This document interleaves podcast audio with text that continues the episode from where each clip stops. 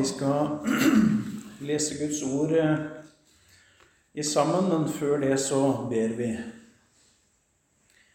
Kjære Jesus, vi vil takke for at vi får lov å samles nå om ditt ord, om ditt navn og om deg, Jesus. Og at du har gitt oss eh, noen ufattelig store løfter om at eh, der hvor to eller tre er samla i ditt navn, der vil du selv være midt iblant dem. Og nå ber vi Jesus om vi kunne få lov å være gjenstand for din behandling. At du går ifra plass til plass, ifra hjerte til hjerte. Og så vil jeg takke deg for, Jesus, at du er rik nok for alle som påkaller ditt navn.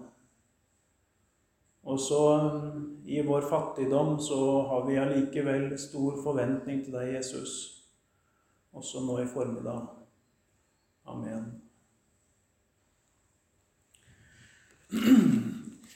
I første Mosebok, eh, kapittel 45, så møter vi Jakob på hans eh, eldre dager. Det har skjedd mye, og de har vært igjennom hungersnøden. Og så har Josef vært borte for ham i ganske lang tid. Og han er jo sikker på at Josef er død. Første Mosebok 45, og ifra vers 25.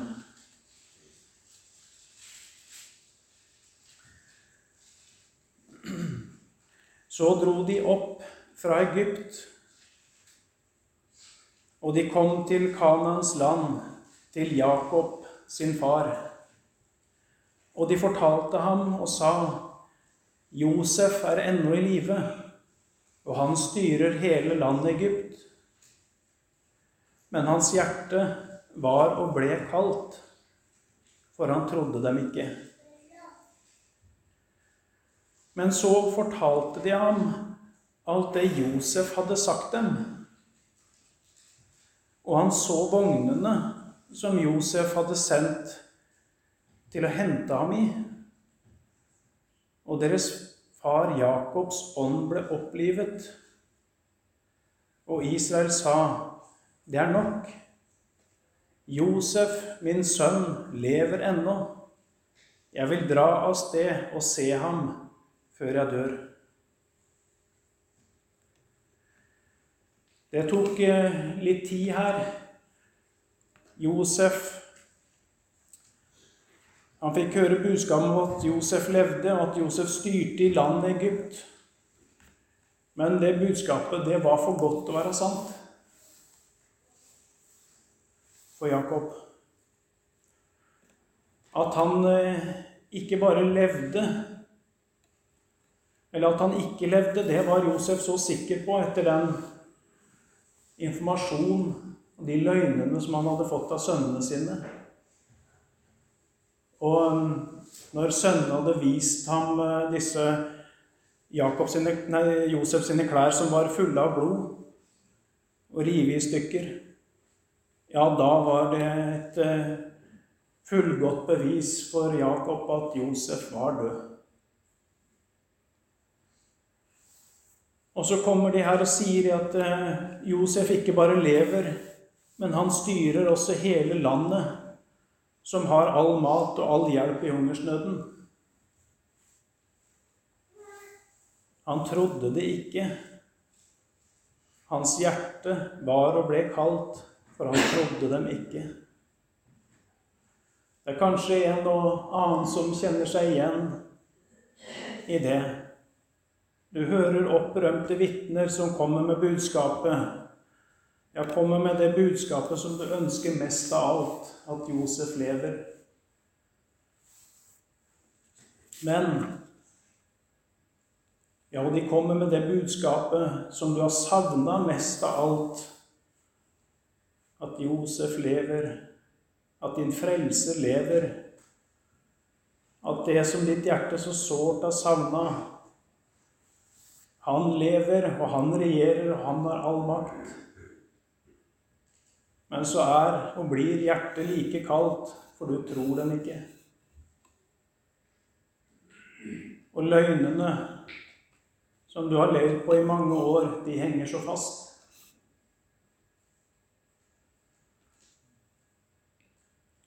Du tror dem ikke. Skuffelsene og løgnene som er sagt deg, det gjør at ikke du tror det du hører.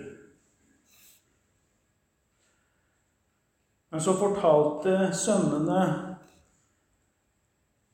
alt det Josef hadde sagt dem. Og han så vognene som Josef hadde sendt til å hente ham i. Og da står det at da blei deres far Jakobs ånd opplivet. Og det var altså så nødvendig for eh, denne Jakob med det kalde hjertet Og ikke bare høre at det sønnene hadde sett Josef, og, og hva de fortalte osv., men det var å høre dem fortelle igjen alt det Josef hadde sagt dem.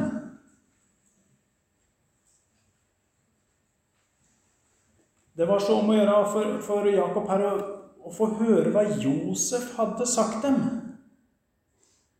Og så var det sånn at disse vognene de, de talte, hadde sin stille tale til Josef til Jakob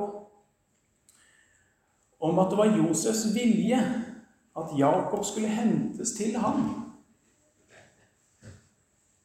Høre hva Josef hadde sagt. Og så her var det altså noen vogner som var sendt ut. For det var Josefs vilje at Jakob skulle hentes til ham. Og det var ikke bare Josefs vilje, leser vi litt tidligere, men det var faraos vilje også. Og her vet vi vet at farao og Egypt det er ofte bilder på verdensmakten og på, på den onde sjøl, denne verdens fyrste. Men i denne sammenhengen her så må farao faktisk tjene som et forbilde på Gud selv. Og Josef bilde på hans sønn. Her var både Faderen og Sønnen i full overensstemmelse om at de ville sende ut vogner som kunne hente Jakob. Hente han med det kalde hjertet. Og så står det det i, i Hvis vi ser Første Mosbok 45, fra vers 17 at dette er også faraos vilje, altså dette er også Faderens vilje. Og farao sa til Josef, si til dine brødre, slik skal dere gjøre. Les på dyrene deres og dra hjem til Kanans land. Ta så deres far og alle familiene og kom til meg. Jeg vil gi dere det beste i landet Egypt. Dere skal få ete av det feteste i landet. Dette byr jeg deg nå å si til dem. Slik skal du gjøre. Ta med vogner fra Egypt for deres barn og koner.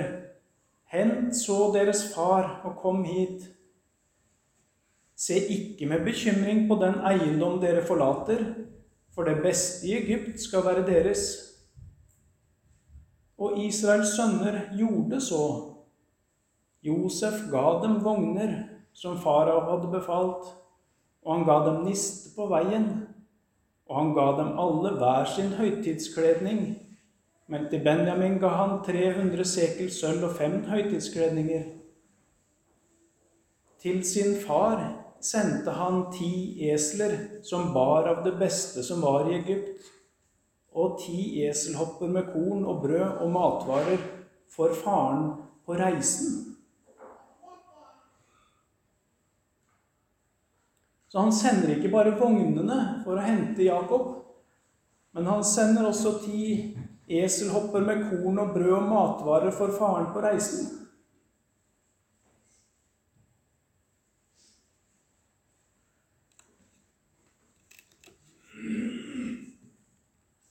Så var det så nødvendig å høre hva Josef hadde sagt dem. Det var en levende person bak denne talen. En person som ville hente han i sine vogner og sørge for alt han trengte. Og var, dette med å stoppe opp for å høre hva Josef hadde sagt dem Det holdt ikke bare å høre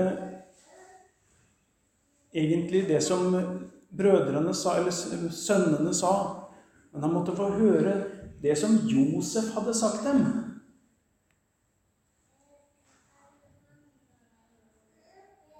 Ser du hva det gjelder? Hvis noen skal kunne bli henta, hvis noens ånd skal kunne bli oppliva, hvis noen skal kunne bli født på ny, så må de få høre Josefs ord.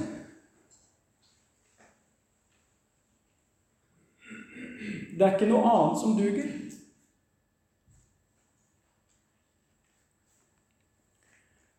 Og det er noe som kan sies her om Josef, eller som bare kan sies om den virkelige Josef, Jesus Kristus. Hans ord er like mye verdt som han selv. Hans tale like, har like stor verdi som han selv. For han er ett med det han sier. Han er selv fylden i det han sier. Så sammen med, med ordet hans så kommer han selv til oss. Og dette må stadig si oss, for at dette forstår vi ikke med huet vårt. Dette har vi så lite tro på. Vi vil prøve på alle mulige andre ting. Men det er Josefs ord vi må bli gjenstand for å bli utsatt for. Da kan ånden opplives. Da kan den bli født på ny. Da kan den bli henta.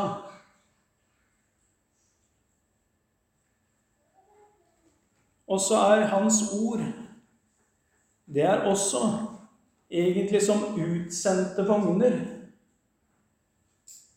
til å få sette seg oppi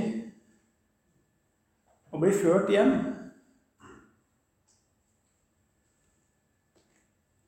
Hans ord er som utsendte vogner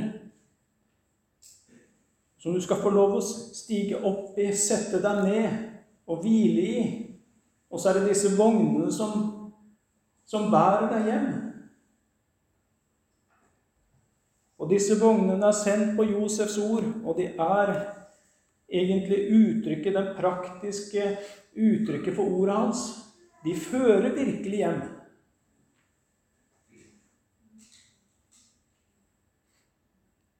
Sånn at du skal få komme helt hjem og få skue Josef sånn som han er. Jesus. Så blei det Jakobs redning, det her. Å høre hva Josef hadde sagt dem og få se vognene som han sendte dit. Og da opplives hans ånd.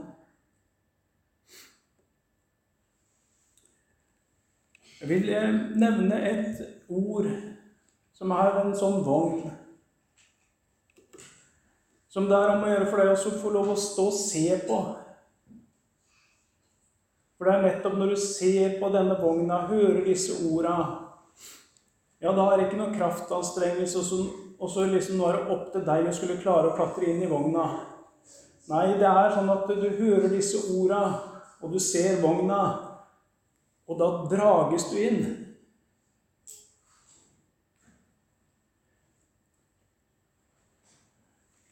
Og det som er viktig her, når vi står der som Jakob med kaldt hjerte, det er at vi hører og ser det som Gud sender til oss. Vi hører og ser, tar imot det Gud sender til oss, enda vi ikke kan føle. For Gud forkynner oss ting som går langt over vårt følelsesliv og hva vi er i stand til å føle. en av disse vognene som han sender til deg for å hente deg og bære deg hjem, det er dette at han utsletta skyldbrevet mot oss. Det som var skrevet med bud, det som gikk oss imot, det tok han bort idet han nagla det til korset. Ja, dette utsletta skyldbrevet går egentlig ikke an å føle for den som står her med kaldt hjerte. Om jeg var i stor gjeld, og så jeg hadde en, en bror som reiste til banken og så sa det til, til bankfunksjonæren at jeg ser at eh, broren min er i stor gjeld. Han greier ikke å betale for seg. Han har ikke sjans. Men jeg betaler det nå. Ja, så blir det ordna. Det blir skrevet under. Det er betalt. Gjeldsbrevet blir skrevet kvittert ut at det er betalt, og det kan egentlig rives i stykker. Ja, så ringer kanskje min bror og sier det til meg. Det nå er ditt gjeldsbrev sletta ut. Du har ikke noe gjeld til den banken lenger. Ja, egentlig så er det sånn at eh, jeg, hører, jeg kan bli, virkelig bli glad over det en hører da, for all del. Men samtidig så er det en kjensgjerning at jeg kan egentlig ikke føle det at han har betalt og skrive under og sletta det ut. Det kan jeg egentlig ikke føle. Men den sannheten at det har skjedd, den blir forkynt meg. Og det blir forkynt meg der jeg står på en måte i min I den følelsen av bunnløs gjeld. Den blir forkynt meg der jeg står. Han utsletta skyldbrevet det som gikk oss imot. Det som var skrevet med bud. Det tok han bort idet han nagla det til korset. Om du sitter med kaldt hjerte, så er skyldbrevet ditt nagla til korset og utsletta. Du har et utsletta skyldbrev. Ikke hvor som helst, men i Kristus. I Han, der er ditt skyldbrev utsletta. Og derfor er dette en vogn som du skal få lov å sette deg ned Du skal få lov å stå og se på den vogna. Hva han har gjort. Så sender han deg dette budskapet. Så skal du få sette deg ned på det budskapet. Og skal det føre deg til himmelen. Ja, hvor blir det igjen av det jeg skal gjøre, da? Ja, det jeg skal gjøre, dere synd med alt sammen. Det er det som er problemet. Så det vil ikke hjelpe om jeg gjør noe. Jeg trenger en ferdig vogn. Jeg trenger en, et land hvor alt er ferdig. Jeg trenger en som sender all den reisematen som trengs til det landet. Og jeg trenger en som bærer helt dit, uten min medvirkning.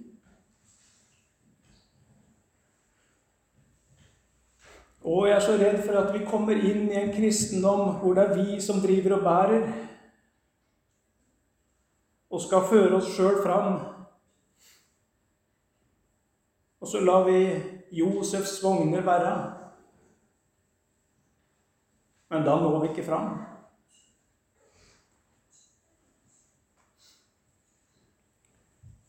Så derfor, om du skulle sitte med kaldt hjerte, så hør hva Josef sier. Josefs ord. Han er ett med sitt ord. Ordet hans har like mye verdi som han selv. Når han sier til deg 'Kom til meg', da er det fordi at det, det er dekning for det.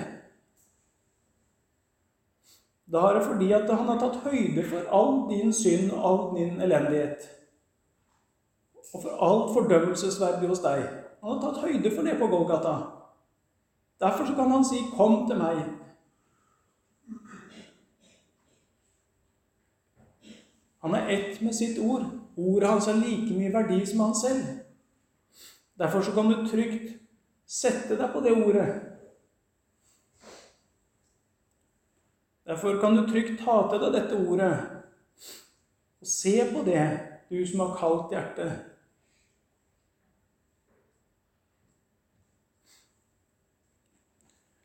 Så er det en annen ting som denne beretningen også taler om.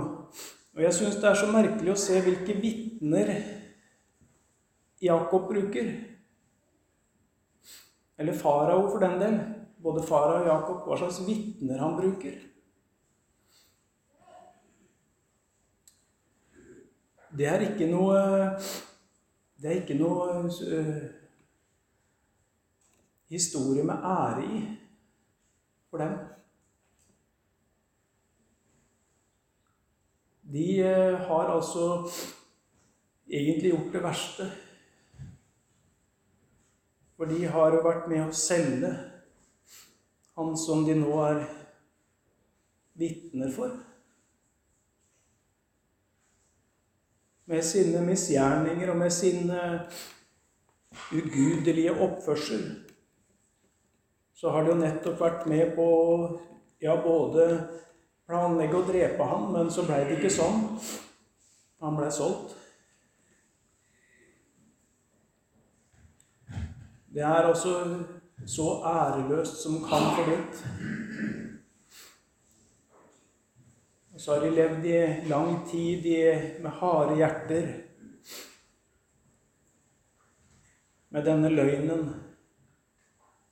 Og noe av båndfordervet hos dem det syns jeg beskrives i dette at de reiser hjem for å trøste Jakob over Josefs bortgang forferdelig ondskap.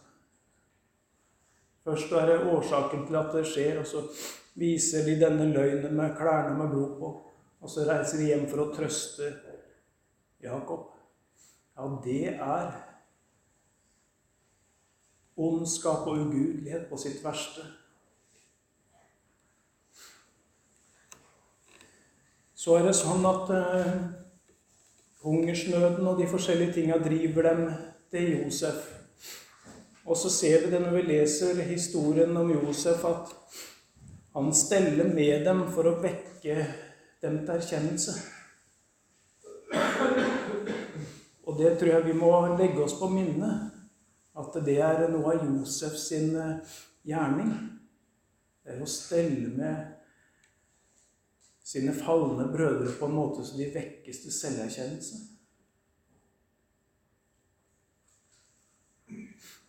Og det er når eh, disse tinga skjer, sånn som Josef handler med dem, det er da, det, det, da begynner de å si det er skyld på oss. Og så begynner vi å tenke tilbake. Ja, så vi ikke ansiktsuttrykket hans, hvordan han bønnfalt oss da vi solgte ham? Og så kommer det fram. Så vekker han til selverkjennelse. Og det må vi si at det er noe av Josefs gjerning også i dag.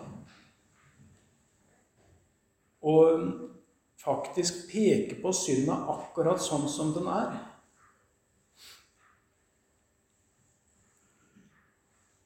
Dette med broderhat, brodermord, starta helt ifra Kain. Men det ser vi at det er på en måte noe som følger hele veien med Adams falne barn.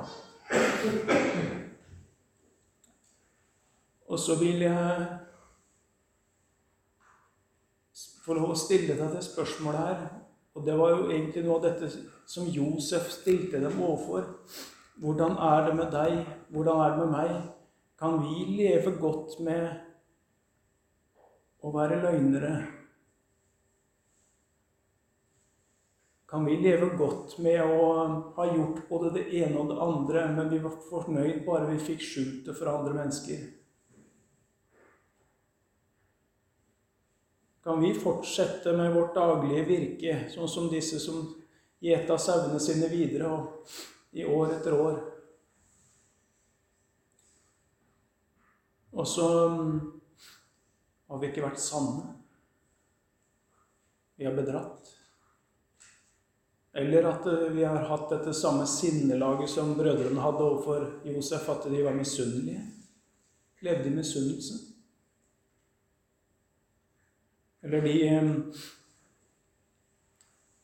De forsvarte dette at de så stygt på Josef. Det er noe å si om dette her sånn. Jakob han er ikke uten skyld i noe av det som skjer her. Han har ikke behandla sønnene sine som han skulle. Og det er eh, et ord som går rett på meg. Jeg har seks sønner. Han har ikke behandla sønnene sine som han skulle, og det får noen konsekvenser.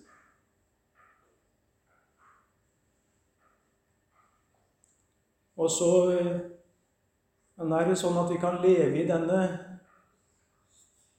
synda at vi tenker at vi har lov til å tenke stygt om andre. Vi har lov til å snakke stygt om andre bak deres rygg. Kanskje vi er sånne forfina syndere som vi gjør det i skjul. Baksnakker i skjul. Tenker ondt om andre i skjul. Er bitre på andre.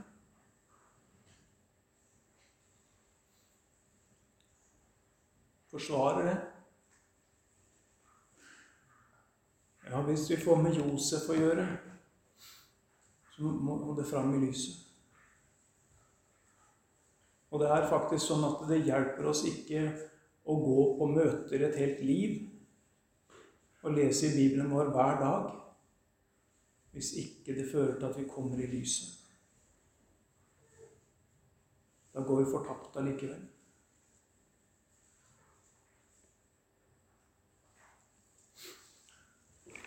Så åpenbarer Josef seg for disse.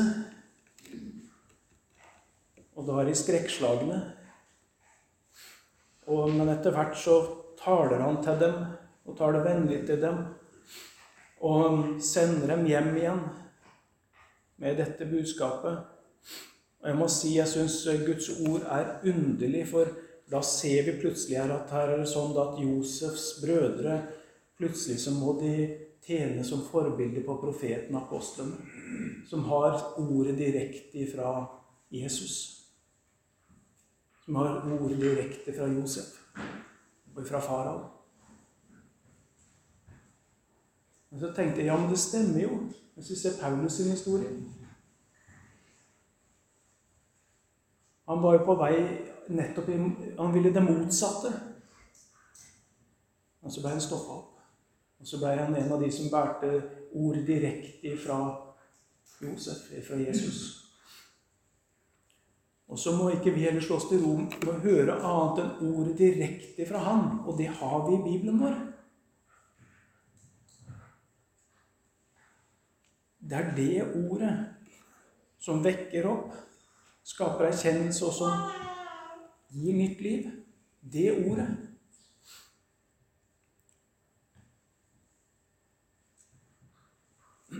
Så kommer disse tilbake, og så er det disse som skal få lov å vitne om Vitne om Josef, at han lever enda. Og at han sender vognene sine for å hente dem inn. Og at han sender reisekost på veien. Så skal de få lov å vitne om det. Og så er det sånn at vitnene seinere som som Luther sier, da, som sitter på apostlenes og profetenes fang og sier det samme som dem, så har disse vitnene ikke noe mer ære i sin forhistorie. Ja, det er bare av nåde. De får lov å tilhøre Jesus. Og får lov å både ta til seg det ordet han sender, og få lov å bringe det videre. Det er bare av nåde. en nåde for å være med. Og få bringe Josefs ord videre.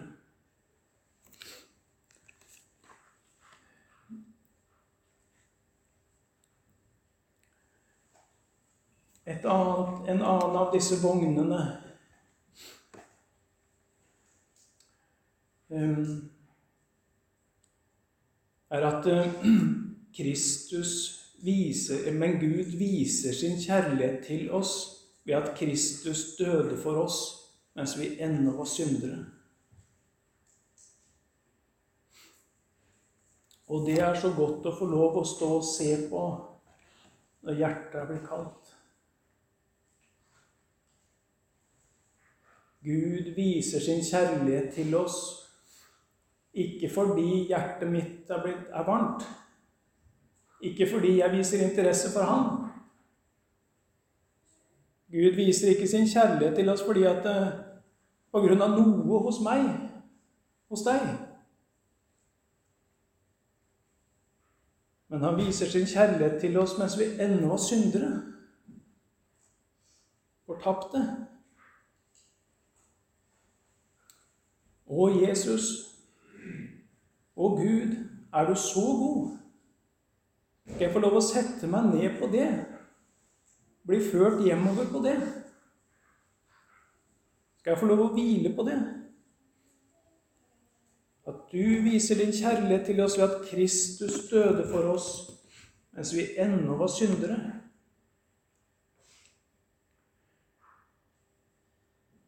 Så vil jeg også si det at det ville ikke være godt for Jakob å gå videre med kaldt hjerte. Det er nok noen flere bilder her som på en måte krysser hverandre litt. For det ser jo ut som at Jakob lever med Gud også på denne tida her og at Gud har stelt med han gjennom mange slags hendelser i livet hans, også dette med Josef. Hadde Gud en god plan i, i Jakob sitt liv. Eh, så han lever nok med Herren. Men det er dette at hjertet var kaldt. Han kunne ikke tro det han hørte her. Hjertet var kaldt. Og jeg har lyst til å si det om du skulle være her. Så du må ikke på en måte slå deg til ro med det kalde hjertet. For det er et Men du må få høre ordet som oppliver. Må få lov å sette deg ned på ordet som oppliver. Og ikke bare slå deg til ro med det kalde hjertet. For dette uten frelsesvisshet så, så, er det, så taper frimodigheten. Det med den følbare Guds fred er også noe viktig i Guds barns liv. Og er det sånn at vi konsentrerer oss om freden, ja, da forsvinner den. Men vi skal konsentrere oss og se på ordet, grunnen til freden. Det er, det skal, det er der freden er å finne. Det er der ånden blir oppliva. Men det er farlig hvis det på en måte blir sagt at det er bare sånn det er å være en kristen og ha et kaldt hjerte. For sånn vitner ikke Skriften. Det kan være kaldt og mørkt i anfektelse og i prøvelser. Det er sikkert og visst. Men her er også et ord som skal få bære deg i dine prøvelser og fristelser. Og det er et av disse orda um, er 1. Johannes brev 4, 16.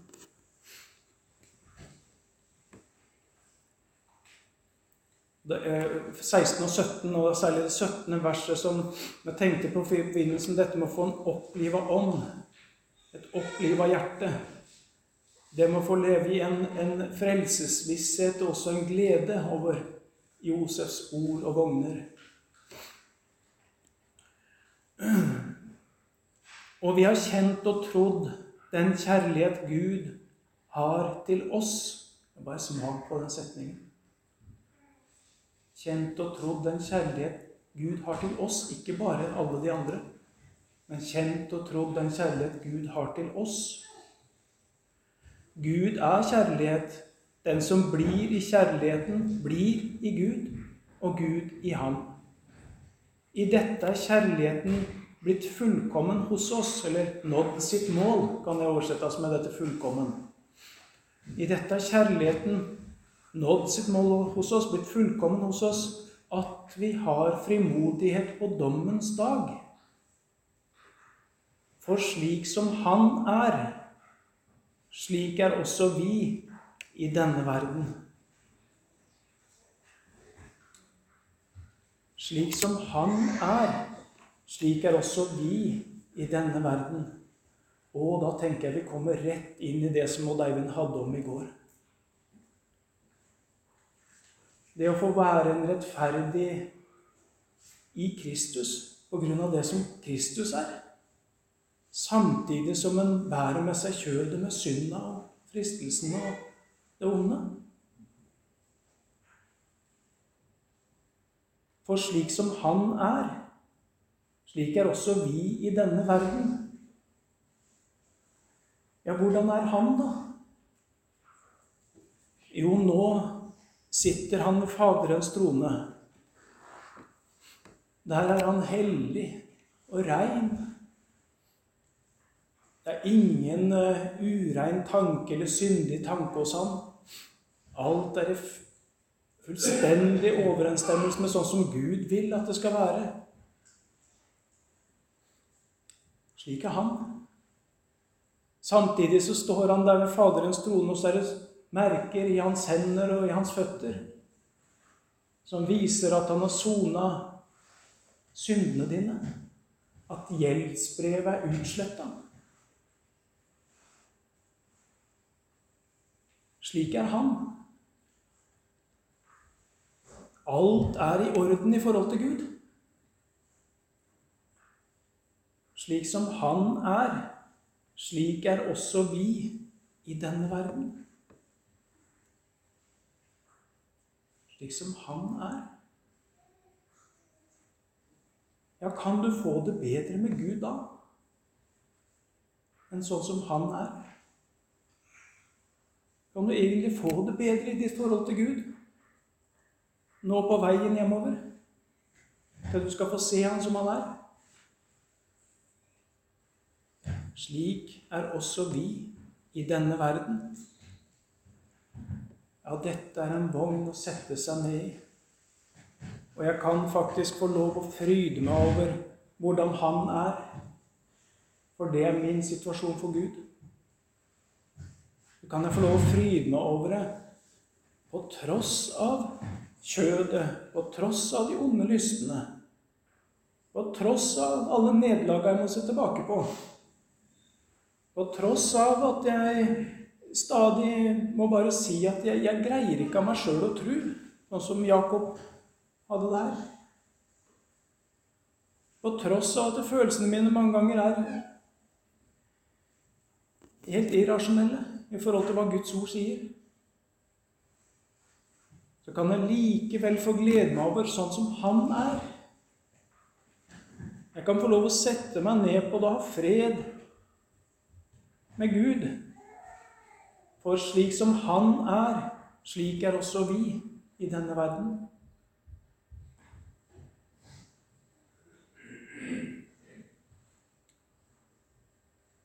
Og hos oss er det dette som skal bære, så er det dette som skal opplive han, slik som han er. Og så er det det som vissheten min også skal ha ankerfestet sitt i, slik som han er.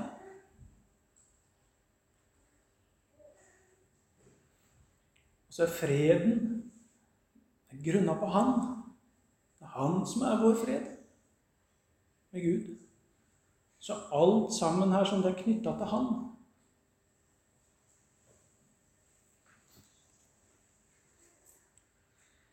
Så kan vi på en måte også egentlig si at han er selv vogna som fører oss hjem.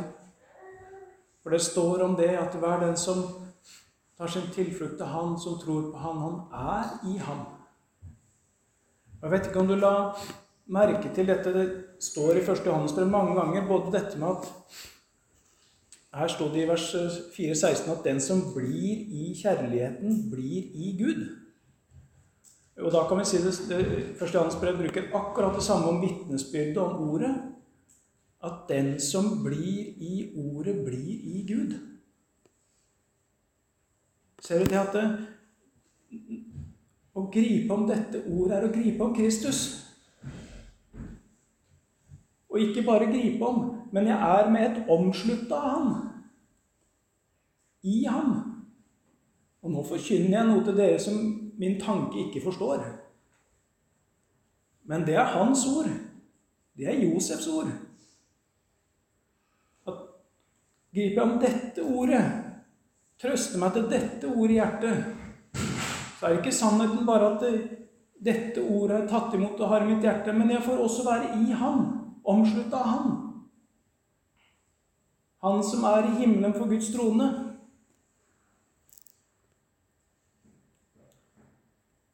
Den som blir i kjærligheten Ja, det var både vognene og korn og alt sammen som kom fra Josef, fra far og Egypt. Det vitna jo om kjærligheten. Bli i det. Bli i det ordet som vitner om hans hjertelag for deg. At det er han som vil ha deg hjem. Og det er han som vil bære deg hjem. Fritt og uforskyldt og av nåde. Bli i det ordet. Bli i den kjærligheten. Da blir du i Gud. Kan du komme nærmere Gud da? Da blir du i Gud, og Gud i ham. Så tar også han bolig i våre hjerter.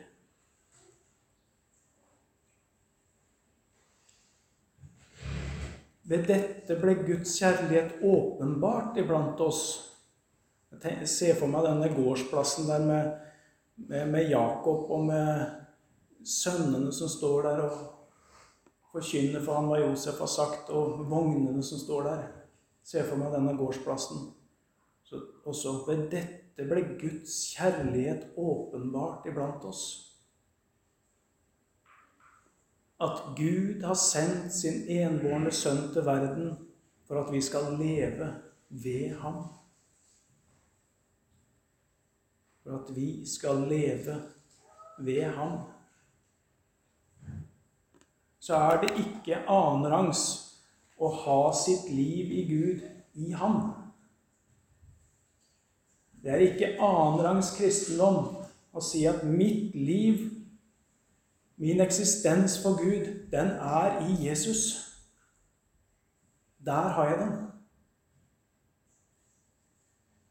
Utafor meg selv får jeg lov å leve i og alle hans rettigheter. Det er ikke annenrangs. Nei, det er Josefs ord. Og så er det andre at han tar bolig i våre hjerter. Han setter bolig i våre hjerter. Selv om han, sånn som Odd Eivind nevnte for oss i går, ikke rykker synda bort, ikke rykker kjødet vekk, så bor han allikevel i hjertet og vil ta i bruk våre lemmer og våre liv.